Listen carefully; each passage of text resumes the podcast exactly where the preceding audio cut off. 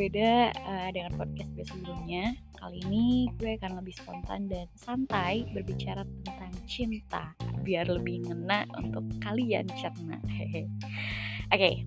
berawal dari gue seneng banget nih dengerin curhatan teman-teman. Dari situ gue bisa banyak belajar tentang setiap permasalahan, konflik, keadaan, sampai sudut pandang setiap orang dalam hal percintaan dan gue akan kerucutkan bahasan ini pada perkara problematika cinta di kalangan seusia gue tepatnya menginjak 25 tahun.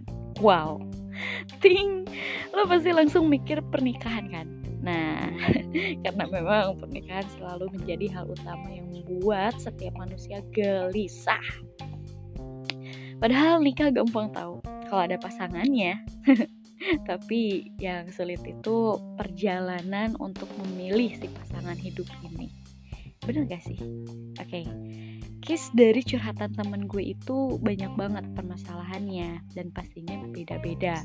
Nih ya ada yang bertahun-tahun gak bisa move on dari si mantan ada yang bertahan mencintai sendiri walau diremehkan. Oh ada yang berusaha keras menjadi mapan demi meminang malah diduakan coy.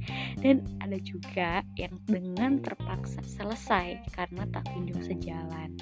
Dan pastinya masih banyak lagi perkara cinta lainnya.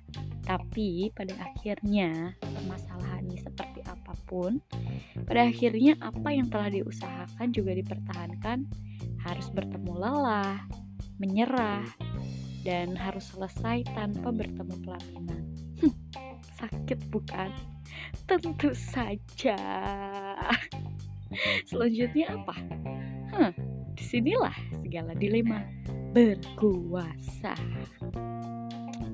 Oke, okay, di usia yang bisa dibilang menginjak dewasa ini, semua hal menjadi terasa sulit kan?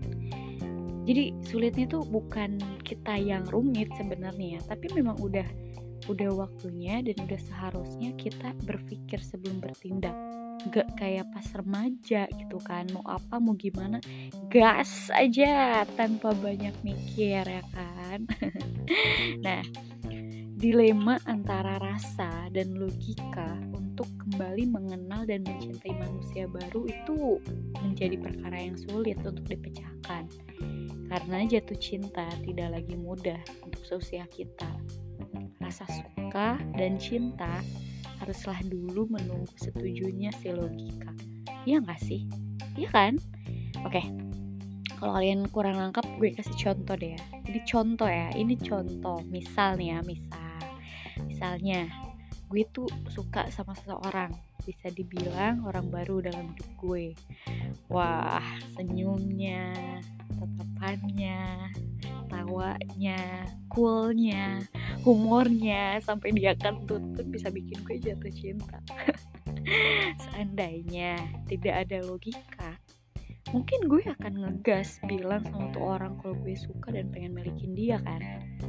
Tapi nyatanya enggak coy. Nyatanya logika seketika menampakkan dirinya. Di saat rasa suka gue menggebu, logika gue berkata kayak gini nih. Ini logika gue ya yang ngomong ya. Woi, sadar diri. Lo bukan tipenya. Mantannya aja cakep-cakep. Dia gak akan suka sama lo. Kehidupan dia pun berbeda sama lo. Dia bergelar, nah lo kagak ya ganteng lalu jerawatan gila sadar sadar gak mungkin dia mau sama lo kejam banget emang logika gue ini tapi ya begitulah pertengkaran antara rasa dan logika atau lebih tepatnya antara hati dan otak. You get it gengs?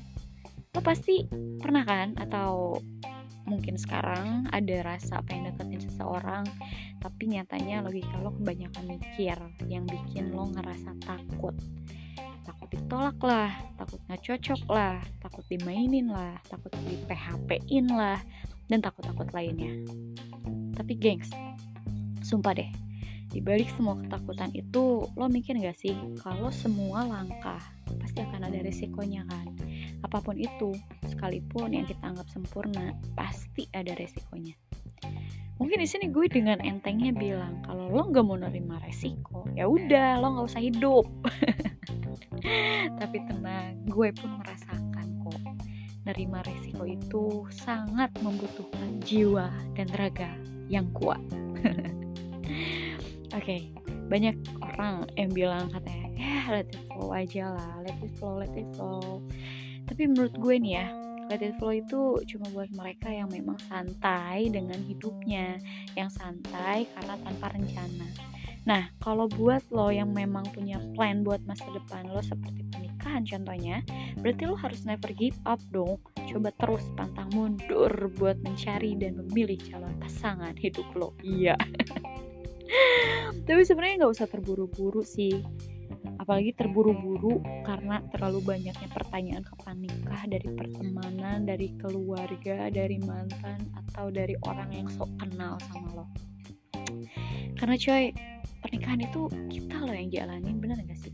Otomatis kita juga yang rasain dan pastinya ada banyak hal yang harus dipertimbangkan kan. Karena tentu saja impian kita nikah sekali aja kan ya kan? Atau lo pengen dua kali tiga kali amit amit jangan deh sekali aja ya.